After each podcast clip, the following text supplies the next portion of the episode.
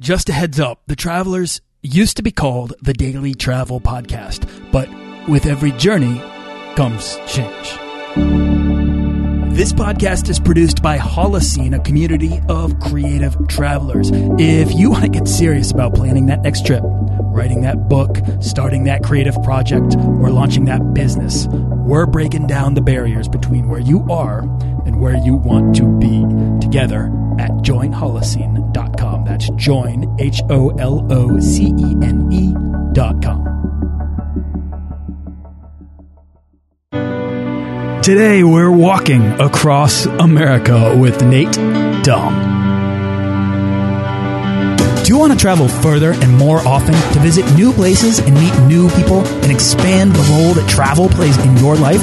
I'm your guide, Nathaniel Boyle, an explorer that wants to help you get out, see the world, and find meaningful, life changing experiences. Everyone wants to be adventurous and have great stories, to do the stuff of legend. This is the Daily Travel Podcast. Now, before we dive in, if you want to get started earning frequent flyer miles or points to travel for as close to free as possible, then you can head on over to dailytravelpodcast.com and sign up for the weekly newsletter and get my book, The Beginner's Guide to Points and Miles, completely free.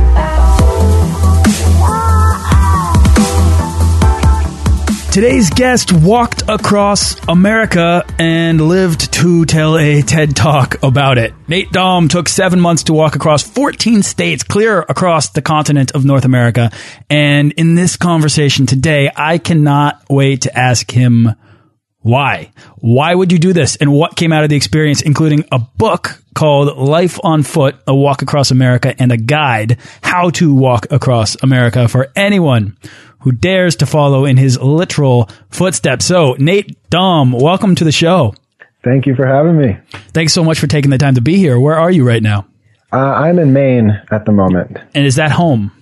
Yeah, it is. Yep. I spent the summer here and uh, now into the fall and almost winter. But um, yeah, this is where I grew up. I love Maine. Where, where in Maine? Do you mind me asking? Um, I'm in Winthrop right now, so near Augusta, so about an hour north of Portland. Yeah, Um, okay. So you're about, let's see, if I'm in the Boston area, you're about two and a half hours north of me, I'd say. Yep. Yep. Not too far. Okay, so I shared a very, very tiny little bit about you uh, and this simple fact that you walked across the country. But I want you to uh, introduce yourself. Tell us uh, where you're from. Well, I guess we covered that, and how you got started traveling. Uh, cool. Yeah. So I'm from here in Maine. Um, grew up here, went to school here, uh, went to college here, uh, graduated, started working for a while. Um, you know, nothing too fancy. Uh, so I worked for like a year and a half or so, and then I was just like, I, I kind of was bored, you know. I What sort of work ki- were you doing? um, I worked at a marina for a while, and I worked on a um, political campaign for a while too. Just kind of weird stuff. Um, but my last job was at a marina, so like renting boats out to people and doing that kind of stuff. Um, so it was great, but I just uh, I thought there had to be something more, and I I always wanted to travel. Um, and things just kind of came together, and I went for it. All right. So when you say you always wanted to travel, what does that mean? I mean, what is there a place in particular that's been calling you, or Um, well, I you know I grew up like backpacking a lot, hiking, um, doing a lot of hiking and camping. So it was mostly centered around that. Um, I always thought I'd probably do a long hike at some point, maybe the Appalachian Trail or something like that. I don't know. I just felt kind of restless, you know. I'd done, you know, what everyone else told me to do for so long. I kind of there's a Yeah. common restlessness, I think, amongst a lot of my guests. I'm wondering though, was it a what was it about hiking, or what was it about camping, or or being maybe alone in the in the wilderness uh, that appealed so much to you that I mean, obviously, it compelled you to eventually take this big step of walking across the country, which is what we're getting to. right. But I'm wondering, what was it about doing that early on, all the backpacking stuff that that really spoke to you?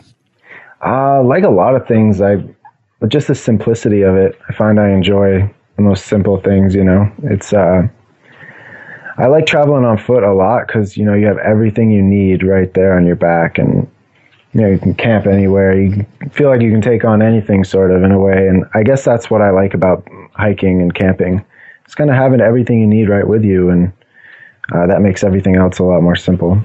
Got it. So, did your family travel much, or did you? Was this something that you kind of came upon and found independence doing? Um, both kind of. Uh, I, I, guess a lot of that influence came mostly from my dad, um, who kind of like lived out west, and he was a rock climber and um, was into that. And he's a guide now, so he goes hunting and fishing for a living, and um, he's just always had me and my brother outside, you know, um, fishing or hunting, hiking, whatever it was. Um, so a lot of that influence definitely came from him um, and enjoying being outdoors. So this love of outdoors wasn't really being fed by work, even if you were working in a marina where you're renting out boats. That's that's not enough. That's not the great outdoors. That's kind of as much of a, a desk job almost. yeah, sort of. Um, you know, I was just kind of felt desperate to do what I wanted to do every day, at least for a while, you know, like, and the walk just kind of worked with that. I had the idea. Um, the timing was not necessarily perfect, but good enough. So it gave me kind of an opportunity to just jump right in and see what happened. Um, I didn't plan a whole lot. Um, yeah, and it just kind of happened like that, where I got just tired of sitting around. I guess. yeah. So all right. So that's that's interesting. It sounds like you didn't know what you wanted to do with your time. You just knew that you wanted to be the one making the decisions with how it's spent.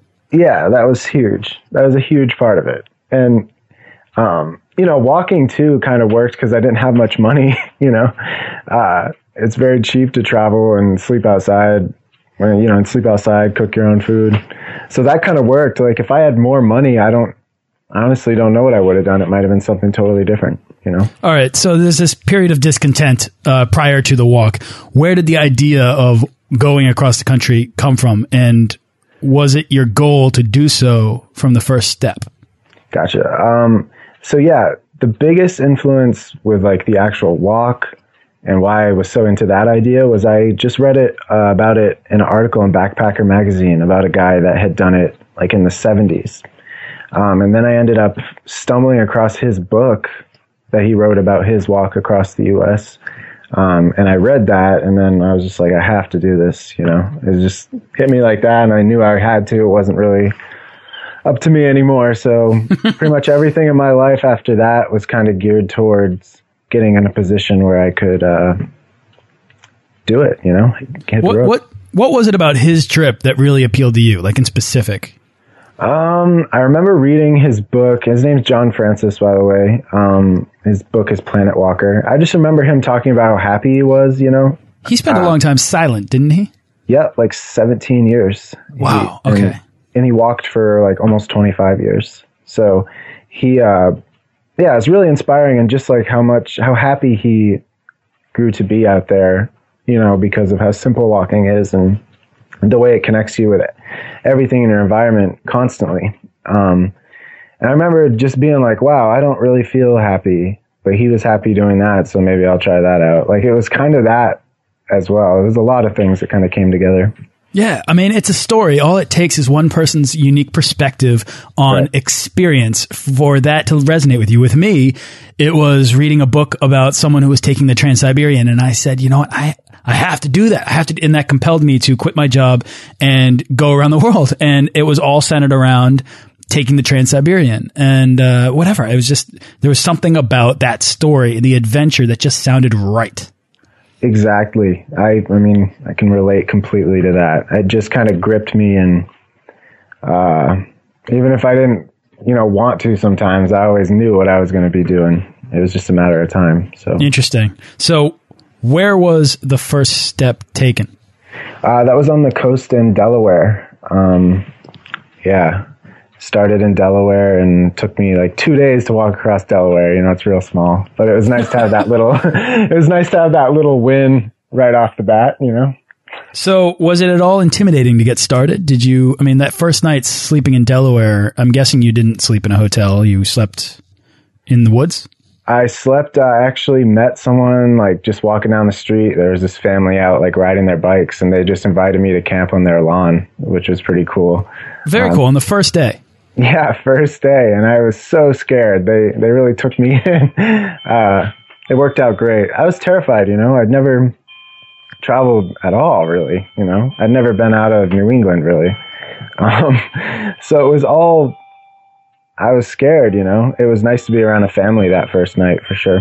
I mean, that's really interesting. I mean, it's really a big step, obviously, to go from being afraid and having never left New England to actually finally doing it, taking that step, meeting people, and then taking them up on their offer.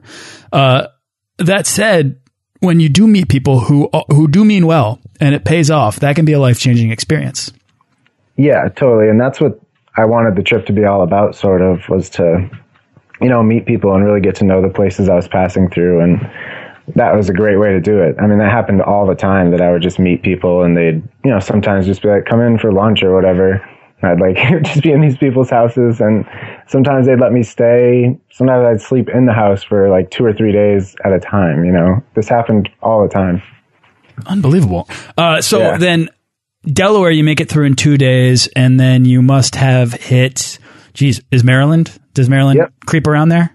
Yep. I went into Maryland and then, um, that was a great part actually through Maryland on the C and O Canal Trail from DC to Cumberland, Maryland. So yeah, I actually went into DC a little bit too. Well, how much of this was mapped out ahead of time, and how much of this was just freewheeling?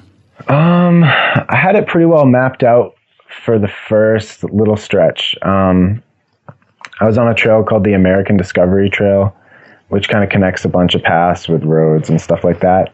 Um, so I was on that. Th- I knew my route pretty much through West Virginia, and then it was just kind of freewheeling from there. Um, I'd usually plan a couple days ahead and just kind of aim for certain areas that I wanted to hit um, and just kind of connect the dots every day. It was a lot of fun doing it that way because my route changed a lot. You know, I would kind of go north for like 100 miles sometimes instead of west. It was just fun like that.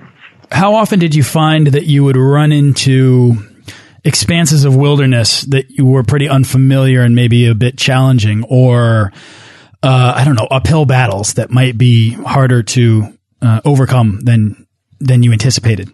Yeah, uh, West Virginia was really tough. That was right off the bat. I was there, you know, pretty fast um, and hit the Appalachians there. And it was cold, you know, it was like early March. Um, it's like 15 degrees at night up there in the mountains. And that was a huge challenge. I had no, I just, it really beat me down. uh, and then you know, the Midwest was pretty easy, you know, it's very flat, lots of farmland. Um, so, but by the time I hit the mountains out west and kind of the bigger stretches of wilderness where I'd go, you know, two, three days between resupply points, uh, it was easy, you know. I hate to say that it makes it sound bad, I guess, but it was actually pretty easy once I got in good shape. Well, that's pretty good. So there was kind of a physical learning curve, and once you hit that, yeah. you you developed a whole a, a, lot of confidence that could kind of compel, uh, propel you forward. Yeah, definitely. Like um, the first couple months were pretty rough as I got into shape, but yeah, it's like once I kind of passed this certain point, my blisters had all calloused over, and I was not sore anymore. Like the walking was actually pretty pretty easy. I didn't really get that tired very often. So before that point, did you ever consider giving up? Yeah, definitely. Uh, just once, really seriously. Like you know, I would always see like fantasize about it sometimes when it was when it was raining or cold or you know I was just having a bad day. Um, but the one time I really really thought about it was in West Virginia, like in the mountains, freezing cold. You know, I it just took a lot out of me. But I ended up, you know, just thought about it for a few minutes and then uh, was like, no, I'm just going to push on a little further. And then, you know, that worked. Kind of just kept moving. As strange as that is, was really easy solution. I'm seeing an overarching theme to everything you're saying, and that is almost simplicity. It's almost as if by finding the simplest solution, the simplest way to tackle a problem, you've been able to kind of make all of these maybe these this inner dialogue that you might have about what to do with your life, where to spend your time, how to overcome challenges, what route to go with. It's almost always just taking the simplest path.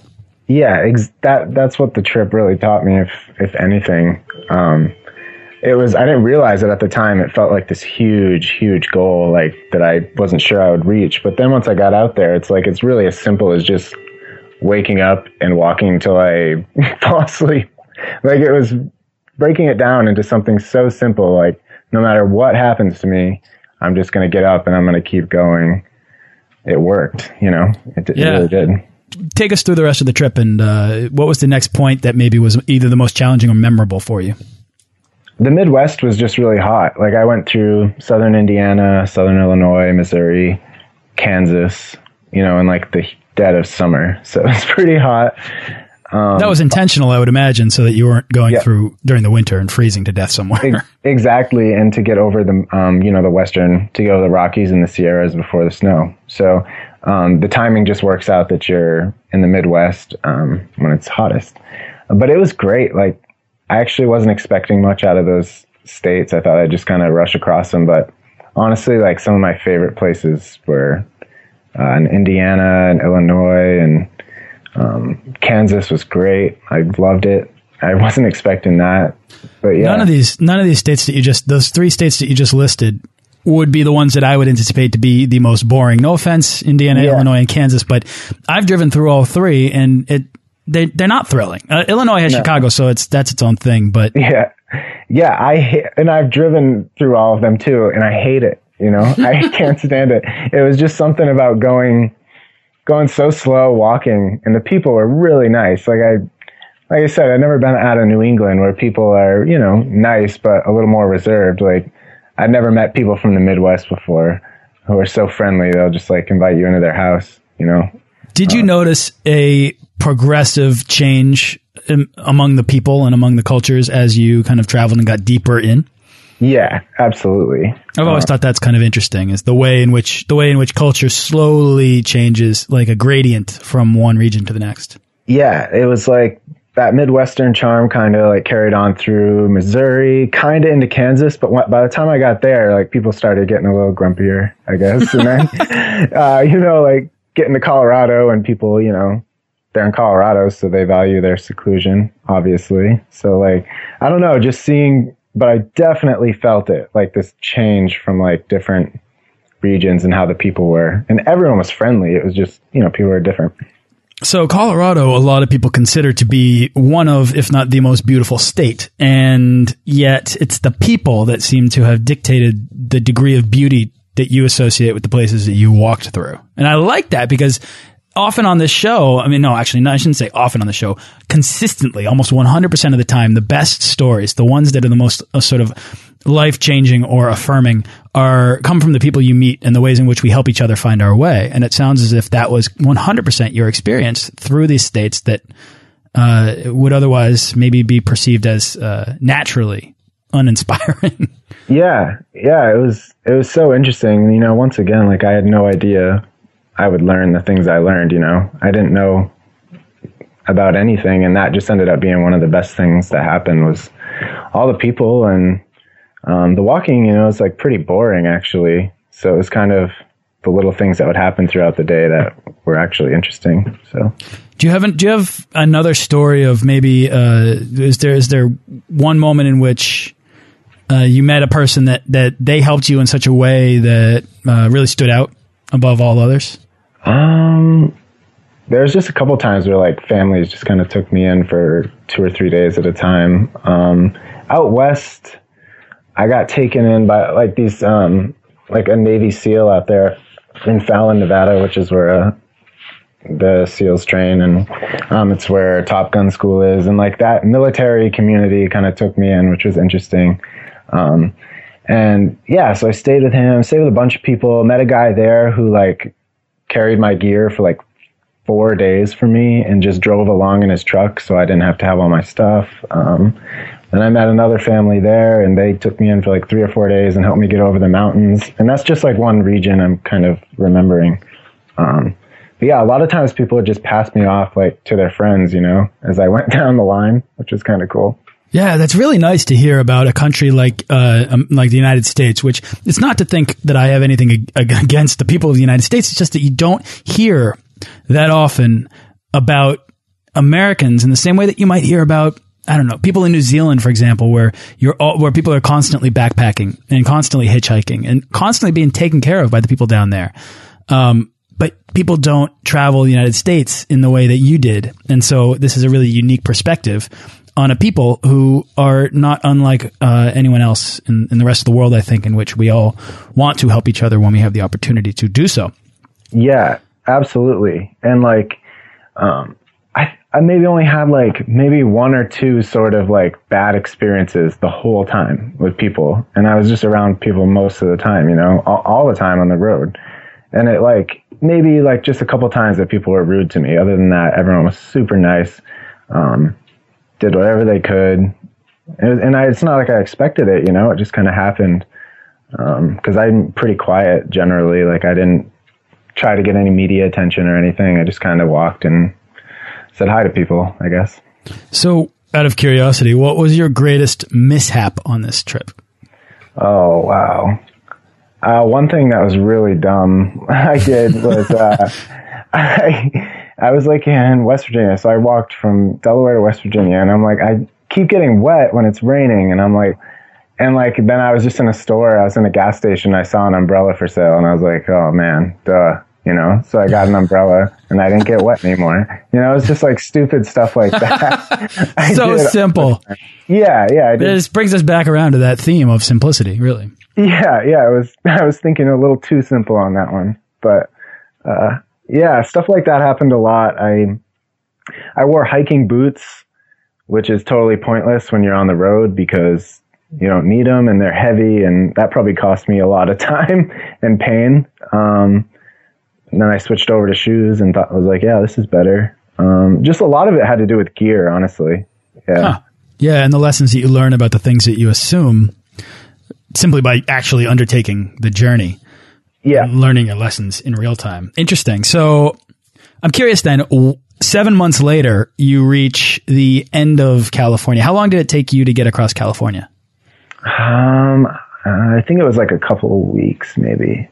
Um, but that was in the mountains, and then through kind of like the uh, Napa Valley through there. Um, but I took some days off too. It was kind of weird scheduling to finish on a specific day, so that kind of got me messed up a little. But yeah, I would say like a couple weeks in California. If you had to take some time off and you were trying to end on a particular calendar calendar day, did that make it at all anticlimactic? Um, it didn't. I was, you know, like I was excited about the end, but I was like more sad that it was over, to be honest. It was very, very weird. I thought I would be really happy to finish, but I sort of wasn't. Um, so I, I was kind of bummed out, you know, but it didn't, I, it didn't take anything away from it. I don't think. If anything, it made it better because I could have like, um, you know, family and friends there who had flown in. So it was nice. Yeah, but it's that, it's that sense of, there being an end to an adventure when the mm -hmm. adventure is something you'd grown not only accustomed to, but it's it's the fun part of. I mean, that's that's what you were looking for, right? And it sounds like you found it. If you were sad to see it end. Yeah, exactly. And that's, you know, when I really realized what the value of the trip was. Cause, you know, like every once in a while, someone would tell me like it was a dumb thing to do. And it kind of is, you know, like you're not, but I felt like I accomplished something when I realized that that I was like, wow, I'm not even excited to finish. Like that means I was doing something I really love doing, at least for this amount of time, you know? And that was pretty cool. Do you miss it? Oh yeah. And I never really was able to go back to sort of regular routine. Um, it's kind of actually settling down a little now finally, but for, so after the walk, I kept traveling. It's been three, almost four years just on the road. So, um, yeah, but that walk opened up everything. I realized, wow, this is what I want to do, and I just found a way to keep doing it. Are you looking for something in specific by perpetuating your travel for four years since? um, I for a while I just was like I like doing it, and it was simple enough. You know, I kept writing about it, um, and wrote more, and um, hitchhiked across the U.S. and wrote a little book about that, and did some other stuff but yeah, a lot of it was just to have something to write about too. Um, but now I'm kindly, uh, finally kind of getting ready to slow things down a little, which is nice, you know. what does that mean? Does that mean return? Well, you're in Maine now. Are you? I'm in Maine. Just... Yeah, I've been here, you know, for a handful of months. Um, right now, I'm moving. I'm moving out to Alaska um, to Anchorage soon probably within the next couple months. I just have some things to sort out here first. So, yeah, settling down, I guess, just means a home, really. Um, adventures here and there, but having a home base. Sure. I mean, this is a big thing and it's still reverberating to the point where you completed it four years ago Mm-hmm. and you're coming on here on this podcast and talking about it with me Yeah. because it fascinates people, I think. And that's probably why you wrote your book, right? And why you wrote a guide. Did your guide inspire anyone to follow in your footsteps? Um, yeah, so that thing has been great. Um, Tyler Coulson, my buddy, uh, who like he wrote most of that book. Um, I just pitched in little sections of the the guide of that book, and I also published a free one online. Um, and then yeah, the Life on Foot, the book about the trip. Uh, I kind of just wrote so my family. I thought my family would want to read it, you know, and it'd be something to, fun to read, you know, down the line a bunch of years and read it again. And so I really wrote it was really kind of personal thing, uh, and I didn't expect that so many people would want to read it and care about it. But it's been amazing um, how many people have picked it up and liked Yeah. it. You know? It, well, it sounds like the.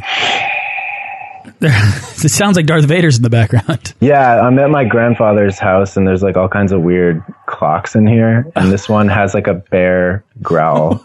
Yeah, it's super weird. I was have been wondering what's go going on. during this thing, but it did. Uh, so that's, that's, that's outstanding. Uh, so, I mean, it's a cool, man, it's a cool quest that you undertook, completed, and now have. For me, travel affords us the ability to create these, um, mini, or not even mini, these our own personal legends. And this is something that you've achieved and now have a story that you can share with people back home for the rest of your life that I think it will be fascinating. And you can come on shows like this and talk about it and say, yes, I did this and it mattered to me. And, um, and your story can now resonate with people in the same way that John Francis's story resonated with you originally. So I guess I should say it does not surprise me that your guide has inspired other people in the same way. Yeah, it's. I mean, I never expected that. It's been so. It's so fun. I mean, I still get emails all the time, pretty much every day, from someone who's thinking about, you know, walking across the country or doing something similar. Um, you know, with like questions or, you know, sending me their link so I can follow along on their website. I love all of it. It's so nice to be involved with that community. Like, uh, because it's actually you know a kind of close knit community of people who have walked. Like a lot of my really good friends are people I met who have done the same thing, and I only know them because we both did that. You know, it's uh, cool. You know, I went on a uh, solo around the world trip when I was, well, let's see, this was in 2007, 2008. I came back and my mother told me, uh, maybe a couple years later that I never returned the same person that I was when I left. Yeah. I'm wondering how this walk would have changed you, uh, and, and the person that you are now.